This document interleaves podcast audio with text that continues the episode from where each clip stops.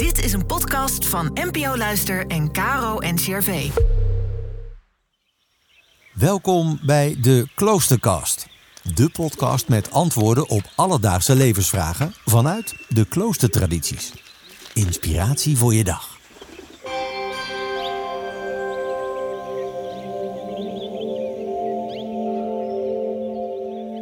In het hoge noorden woont pater Hugo als kluizenaar bij zijn bijzondere kapelletje in Warfhuizen. Biddend, werkend en denkend. Hij zegt: vasten is goed, maar ga het niet overdrijven. Het is geen topsport.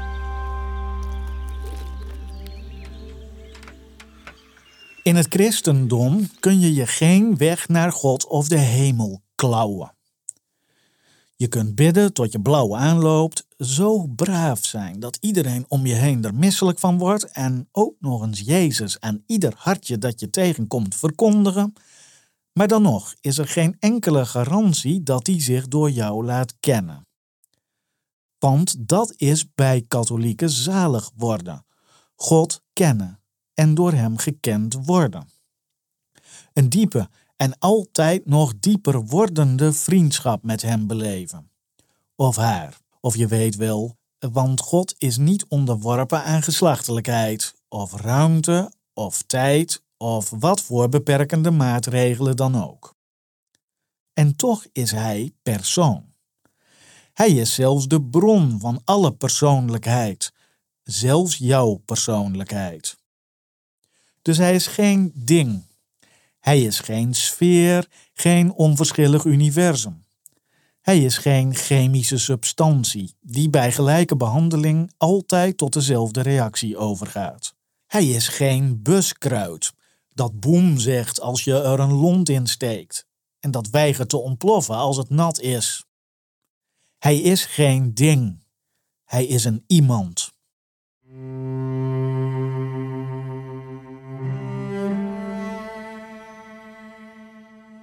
Sommige mensen geloven zeker en vast dat je het absolute kunt bedwingen als je je geest maar geraffineerd genoeg traint in het doorgronden van zichzelf.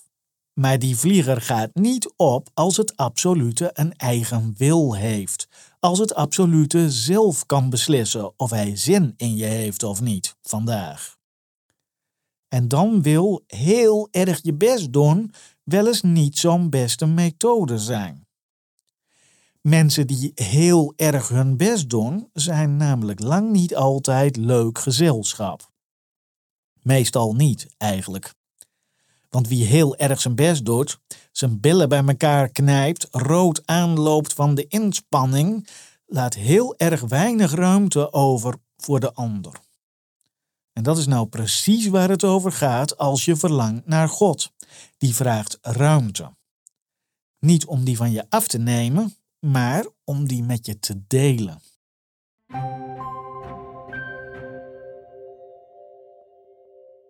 Zo gaat het dus ook met vasten.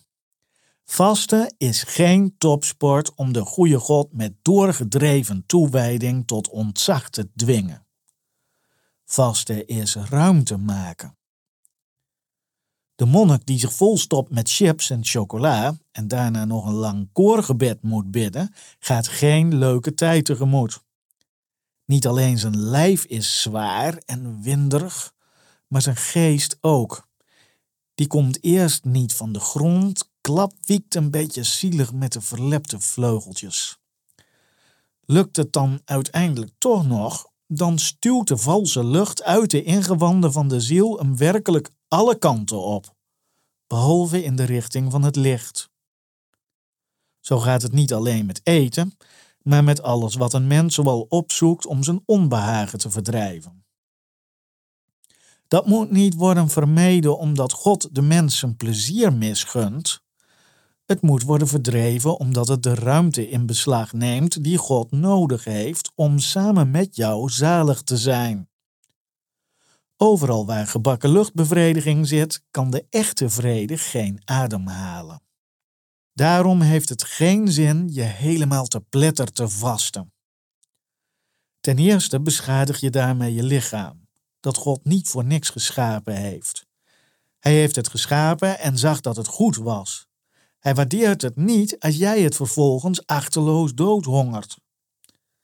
Ten tweede bereik je het tegenovergestelde van wat je eigenlijk beoogde. Want je mag de gebakken lucht dan verdreven hebben met al je vasten, maar je hebt er lood voor in de plaats gegoten.